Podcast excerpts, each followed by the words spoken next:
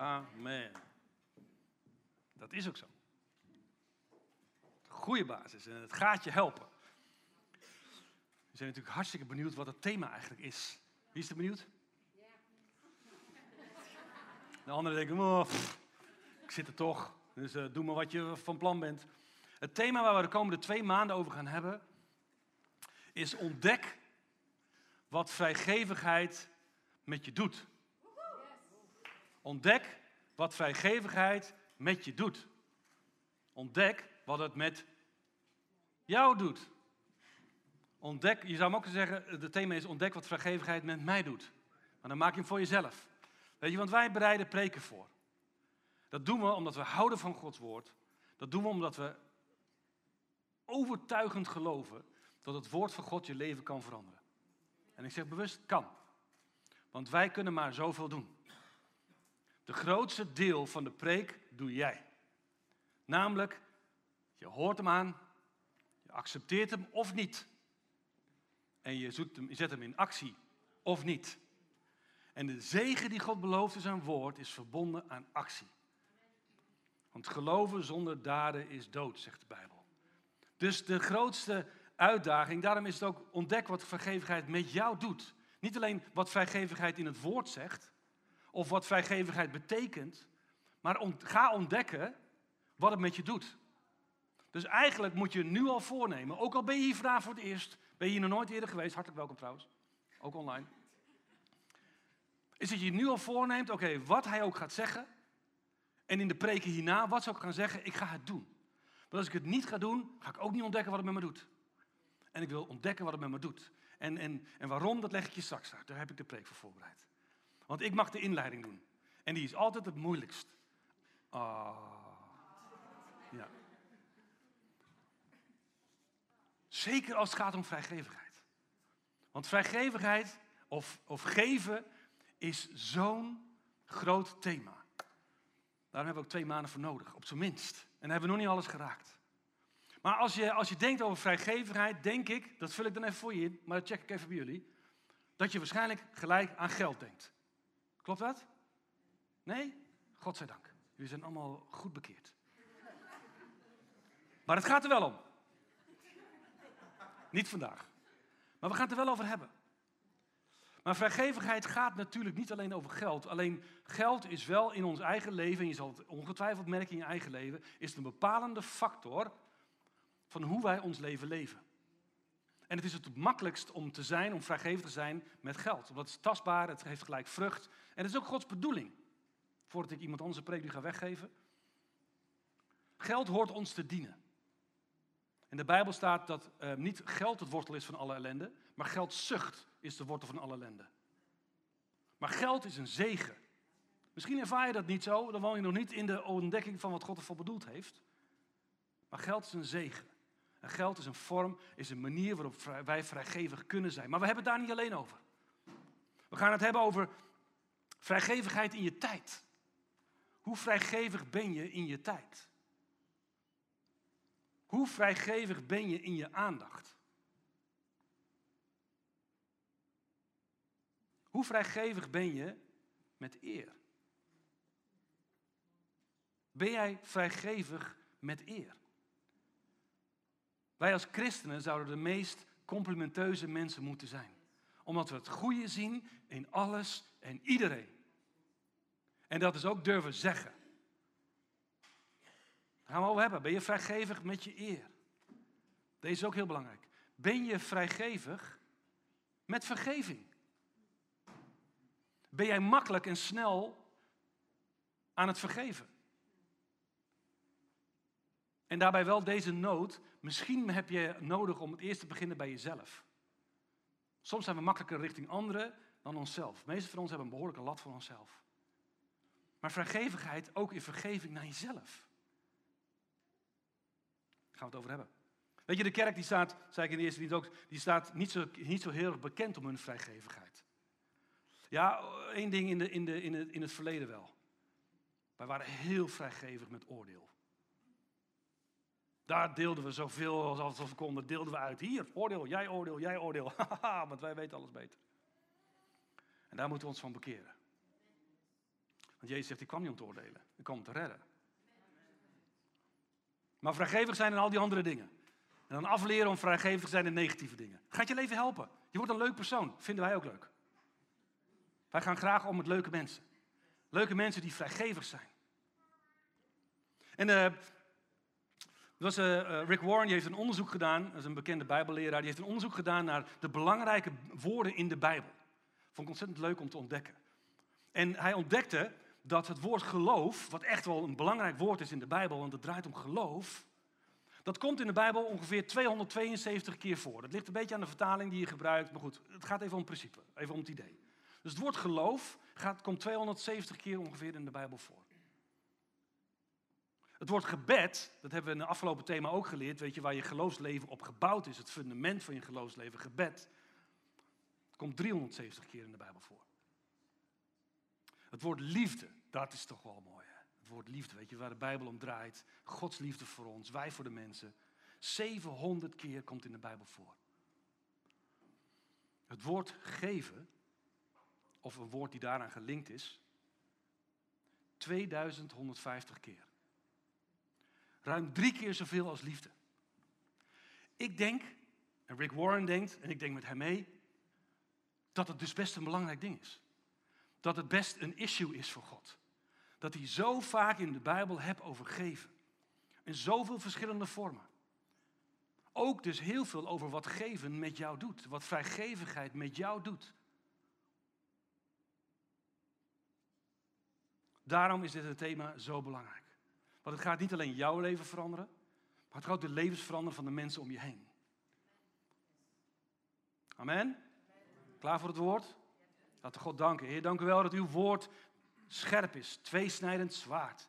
Heer, die scheidt wat vlees is en wat geest is. Heer, en als we het hebben over vrijgevigheid, betekent het dat we gaan sterven aan onszelf. Heer, en daar hebben uw woord zo hard bij nodig. En dat ons vlees daartegen vecht. Heer, maar wij willen gehoorzamen. Heer, we willen doen wat u van ons vraagt. We willen uw zegen op ons leven zien, voor onszelf en voor anderen. Heer, we willen uw liefde zien, we willen u zien. En daarom bid ik vanochtend dat uw woord werkt in ons. Heer, en wij zeggen ons toe, wij wijden ons toe aan uw woord, dat als het ons aanspreekt, dat we iets zullen doen. Daarmee. Amen. Amen. Zoals de meeste van jullie weten, ik ben, uh, ik ben opgegroeid in de zending. Mijn ouders zijn zendelingen. Dat, dat wist je, dat het bestaat nog steeds. Zendelingen. Dus die zijn vroeger, toen ze jong waren, ze hebben ze een roeping van God ontvangen. Hebben ze gezegd, joh, ga naar een ander land. Ze zijn toen naar Papua-Nieuw-Guinea gegaan om, om een liefde van God te laten zien op zoveel verschillende manieren. Mijn moeder is lerares, mijn vader was drukker, dus ze drukte Bijbels, dus ze gaven les en ze hielpen en, en, en praten en lieten zien wat de liefde van God betekende. En dat zijn ze nog steeds. Ze zijn nu alleen uh, zendelingen in Veenendaal. Die hebben ook Jezus nodig. En ze gaan nu verhuizen, volgende week gaan ze verhuizen naar Voorthuizen. Want daar hebben ze ook Jezus nodig. Dus uh, voor mij was Corrie ten Boom die zei, je bent altijd of zendeling of zendingsgebied. Eén van die twee. Dus kies zelf wat je wil zijn. Maar goed, ik groeide daar dus op als jong kind. Groeide ik op in de bush. In de bush van, van Papua-Nieuw-Guinea. Als een soort Mowgli liep ik daar rond. In mijn korte broekjes. In mijn blote voetjes. Tussen de slangen en de spinnen. En het was geweldig. Grandioos, wat een droom. En, uh, maar ik wist, weet je, ik ben, nu, ik ben nu vader, ik heb kinderen, ik heb een gezin. Ik weet wat het, wat het betekent om verantwoordelijkheid te hebben voor een gezin. Ik heb zoveel meer respect van mijn ouders gekregen. Nu ik zelf een gezin heb, wat het betekent om, om zo'n reis te maken. Om dan met twee kleine kinderen, ik heb een oudere zus, naar Papua-Nieuw-Guinea te gaan met alle gevaren van, van dien. We waren in de buurt, was geen arts, we hadden zo'n dik boek, die heette Where There Is No Doctor. Nou, dat belooft niet veel goeds. Maar het was meer hoe red je je kind als er geen dokter in de buurt is. Dat was het thema van het boek. Superboeiend. We leven allebei nog, dus het is gelukt. Maar dat, dat is waar, dat, weet je, dat risico wat ze namen. Maar ik weet, we, hebben het heel vaak ook over gehad. Toen zij begonnen, toen zei God ook tegen hen: Alles wat je mij uh, offert om mijn naam, alles wat je opgeeft om mijn naam, om, om mijn wil, ik beloof je, geef je zevenvoudig terug. Ik weet dat mijn vader zo vaak gezegd. Hij zei dat zo vaak omdat ik heel vaak bij hem kwam, omdat hij weer iets had weggegeven. Mijn grootste angst als kind was dat jullie op visite zouden komen. Of iemand op visite zou komen. En zou zeggen, goh, wat een mooie tv. Oh nee. En ik hoor mijn vader al zeggen, oh ja, wil je hem hebben? En daar ging hij weer. Zoveel dingen in, hun huis zijn met andere mensen weggegaan, omdat ze alleen maar zeiden, wat is dat mooi. Mijn zoon die zei laatst tegen, opa, opa, wat staat daar een mooie lamp? Nou, je raadt nooit waar die nu staat. Bij ons. Want opa zei, oh ja, neem me mee. Er was een keer een meneer die zei tegen, over zijn auto van ik geloof dat God zegt dat je me mijn auto moet geven. Nou nee hoor, dat zegt mijn vader denk ik niet. Tot hij ging bidden. Toen zei hij, nou ik denk het wel. En die meneer reed met onze auto er vandoor. Zo ging dat in ons huis. Waarom? Omdat mijn vader en mijn moeder hadden geleerd dat als God zegt, ik beloon je zevenvoudig alles wat je om mij geeft. Hij wist, zij wisten dat alles wat ze gaven, ze beter werden. Omdat er God is van zijn woord. Omdat er God een gevende God is. Omdat God een belonende God is. Daarom geven ze met plezier weg, zonder enige schroom. En dat is voor mij een geweldig voorbeeld. Vergevigheid wordt op een gegeven moment zelfs een levensstijl. Omdat je het zo gewoon is om weg te geven.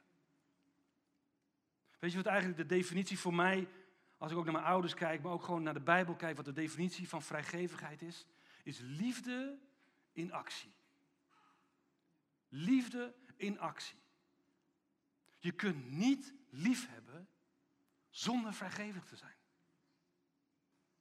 Kijk maar eens in je eigen leven dat alles wat jij lief hebt, daar spendeer je je meeste tijd, je meeste geld, je meeste aandacht en je meeste eer aan. Je mag het ook omdraaien. Laat mij zien waar je geld, je tijd en je eer naartoe gaat en ik laat je zien waar je liefde zit. Maar het is geen aanklacht. Halleluja, want we zijn vrijgekocht. Maar als jij lief hebt, dan zet je dat in actie. Dan word je vrijgevig. Vrijgevigheid is daarmee nooit het doel op zich. Het doel is liefhebben. Het doel is liefhebben. Dus mensen die niet vrijgevig zijn, en je hoeft niet te wijzen, tenzij naar jezelf.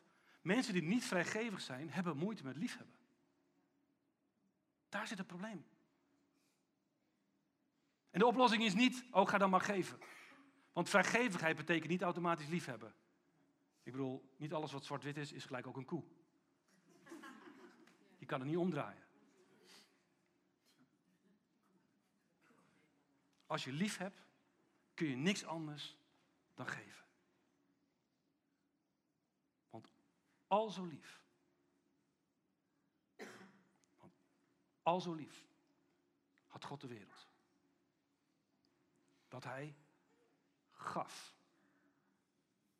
Want al zo lief heeft God de wereld. Dat hij gaf zijn enige zoon opdat een ieder die in hem gelooft niet verloren zou gaan, maar eeuwig leven zou hebben. Waarom gaf God? Omdat hij lief heeft.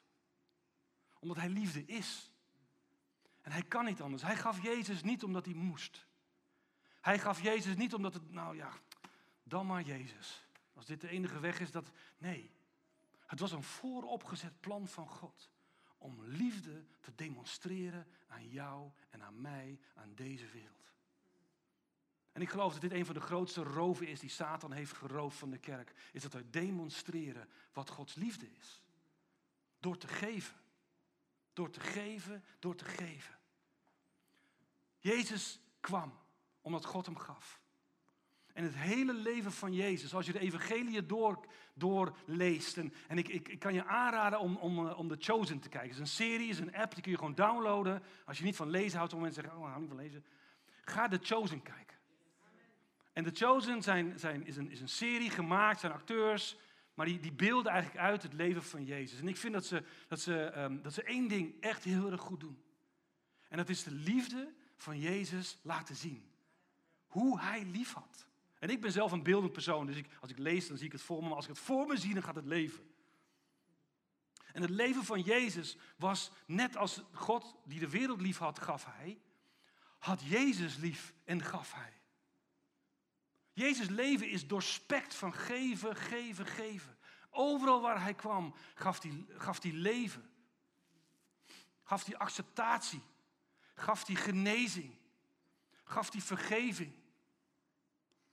Gaf hij wonder na wonder na wonder. De Bijbel zegt zelfs, er gebeurde zoveel dat we het niet eens in de Bijbel konden opnemen. Zoveel gaf hij. En ik, ik was het die Chosen aan het kijken en zag een aflevering waarin, waarin de, de, Jezus aan het preken was. En, en, en er kwamen steeds meer mensen bij, steeds meer mensen bij, steeds meer mensen bij. Want mensen houden van mensen die vrijgevig zijn. Amen? Als je vrijgevig bent, heb je geen gebrek aan vrienden. Echte vrienden.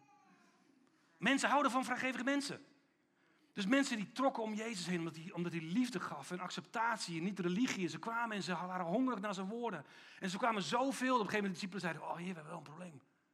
Die mensen die hebben allemaal geen eten. En ze zitten hier al een paar dagen en ze hebben geen eten. Wat moeten we doen?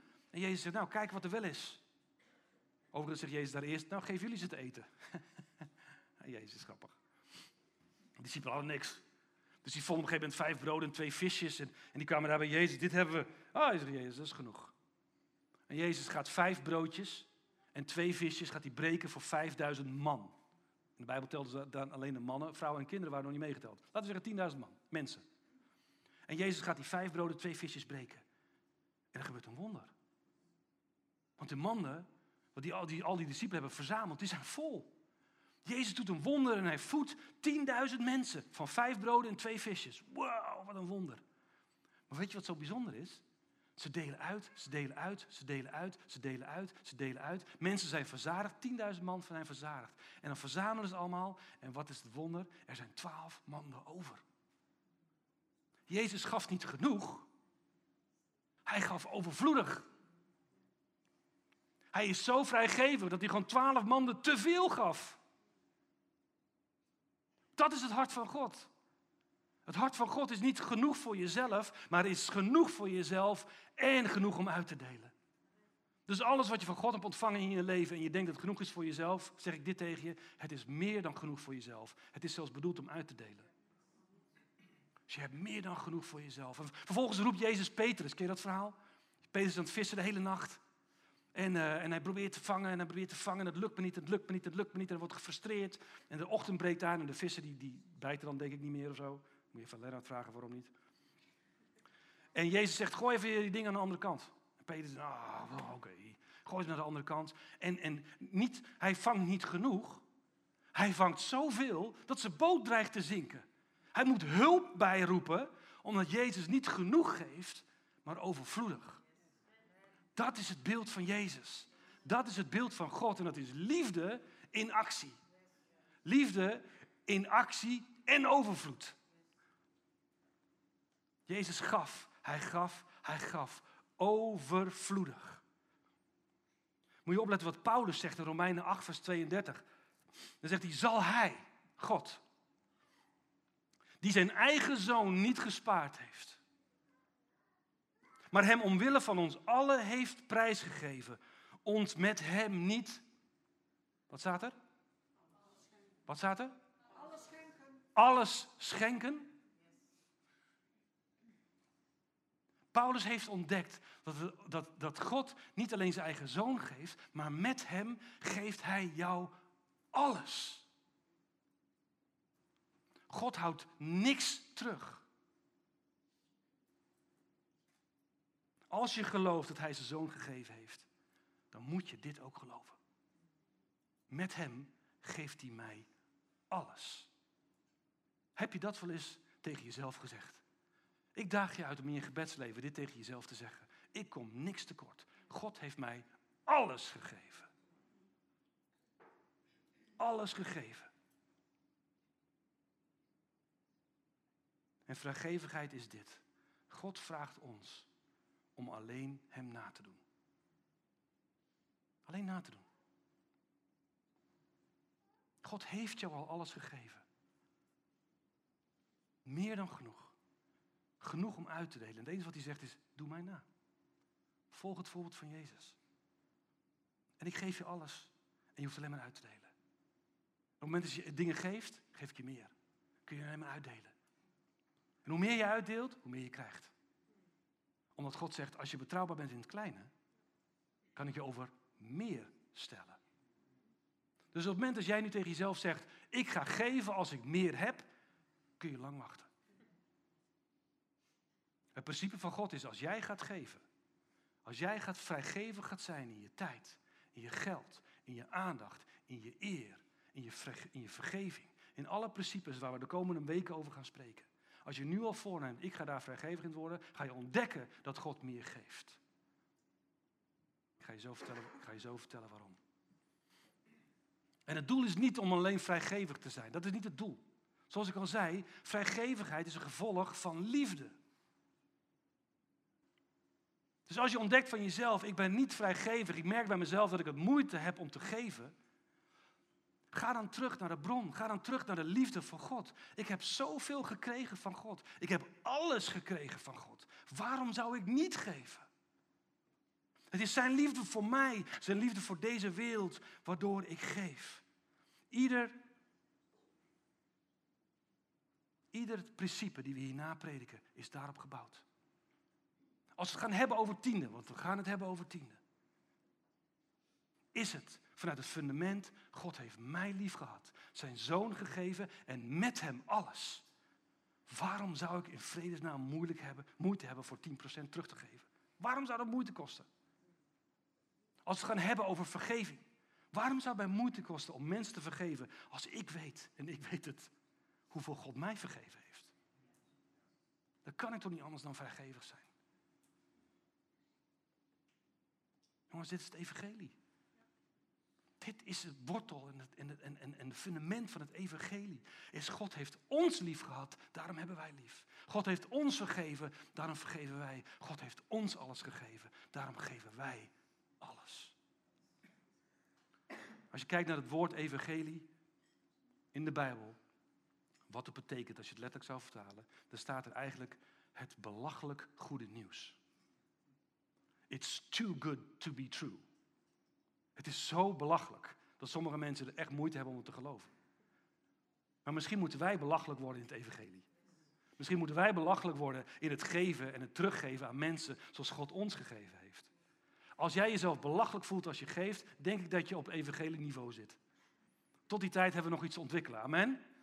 Amen. En daag God uit daarin, zegt hij. Oh, dat ga ik preken over tien, dat moet ik niet doen.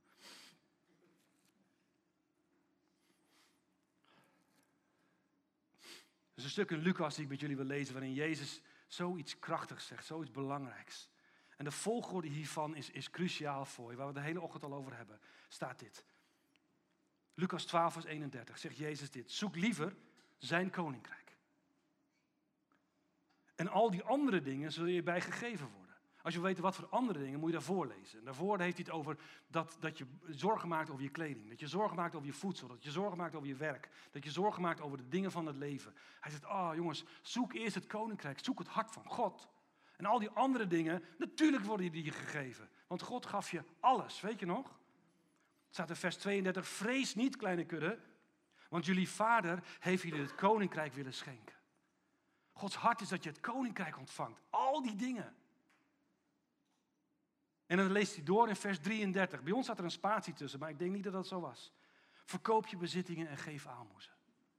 Dat is die vrijgevigheid. Het begint met die koninkrijk. Je hebt de koninkrijk ontvangen. Daarom verkoop je bezittingen, geef aalmoezen. Maak voor jezelf een geldbuidel die niet verslijt. Een schat in de hemel die niet opraakt. Waar een dief niet bij kan en die door geen mot kan worden aangevreten. Waar jullie schat is, zal ook je hart zijn. Waar je schat is, zal ook je hart zijn. En als je dit begrijpt, als je dit gelooft, als je dit pakt, dan word je vrijgevig. Dat je begrijpt dat God de bron is van alles. Dat hij in eerste instantie begon met jou alles te geven. Alles wat jij hebt, nu, komt van God af.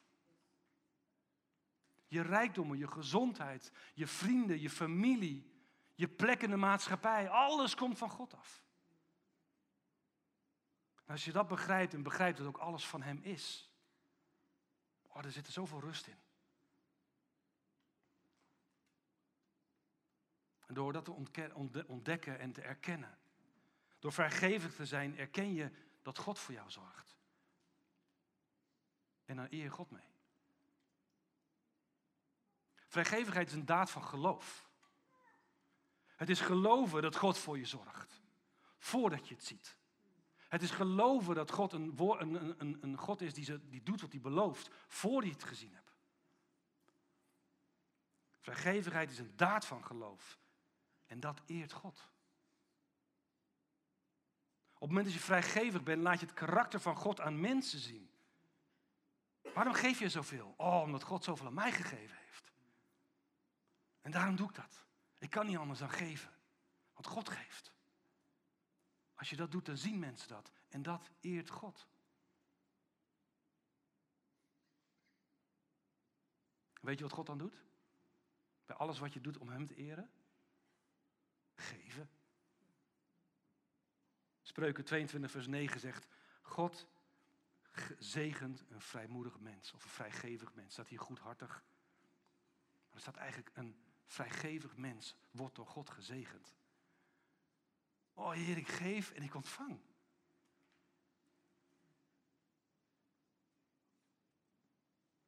Hiermee ga je ontdekken wat vrijgevigheid met je doet. Het maakt je een ander mens. Het maakt de wereld anders. Omdat je hebt ontdekt in eerste instantie wat God voor jou doet. Wat God voor jou gedaan heeft. En uit liefde en gehoorzaamheid. Want gehoorzaamheid is gewoon een daad van liefde. Ga je doen wat God voor jou gevraagd heeft. Ga je Hem nadoen. En ga je geven van alles van wat jij van God ontvangen hebt. En dan ga je vrijmoedig geven. En met blijdschap, zegt de Bijbel. God houdt van een blijmoedig gever. Als je nog niet blij bent om te geven, stop dan niet met geven. Ga zorgen dat je blij wordt ermee. Dat is bekering. Zeg je niet, ja, ik, ik kan niet geven, want ik voel er nog niks bij. Joh, bekeer je hart. Zorg ervoor dat je blij kan geven. Dus verzamel het. Zorg ervoor dat je blij kan geven. En dan geef je. Maar je neemt je voor. Ik ga geven. Ik ga van mezelf geven. Ik ga zoveel geven dat ik leeg ben en God niks anders kan doen dan vullen, vullen, vullen. Tot eer en glorie van zijn naam. En dat is waarom we gaan dopen. Dat is waarom jij je moet laten dopen. Uit liefde en gehoorzaamheid naar God. Omdat je gelooft dat God zijn zoon heeft, heeft gegeven voor jou en niks heeft teruggehouden voor je. Niks. Uit blijdschap daarvoor zeg je van, oh, ik wil met Jezus sterven in het bad en ik wil weer opstaan, God zij dank. En ik wil alles wie ik ben en wat ik heb, wil ik afleggen van God, omdat ik erken dat alles van Hem was en alles van Hem is. En ik nooit iets te verliezen heb als ik God vertrouw. Daarom laat je dopen. Daarom is ook geen enkele reden om je niet te laten dopen. Laten we samen gaan staan voordat we gaan dopen.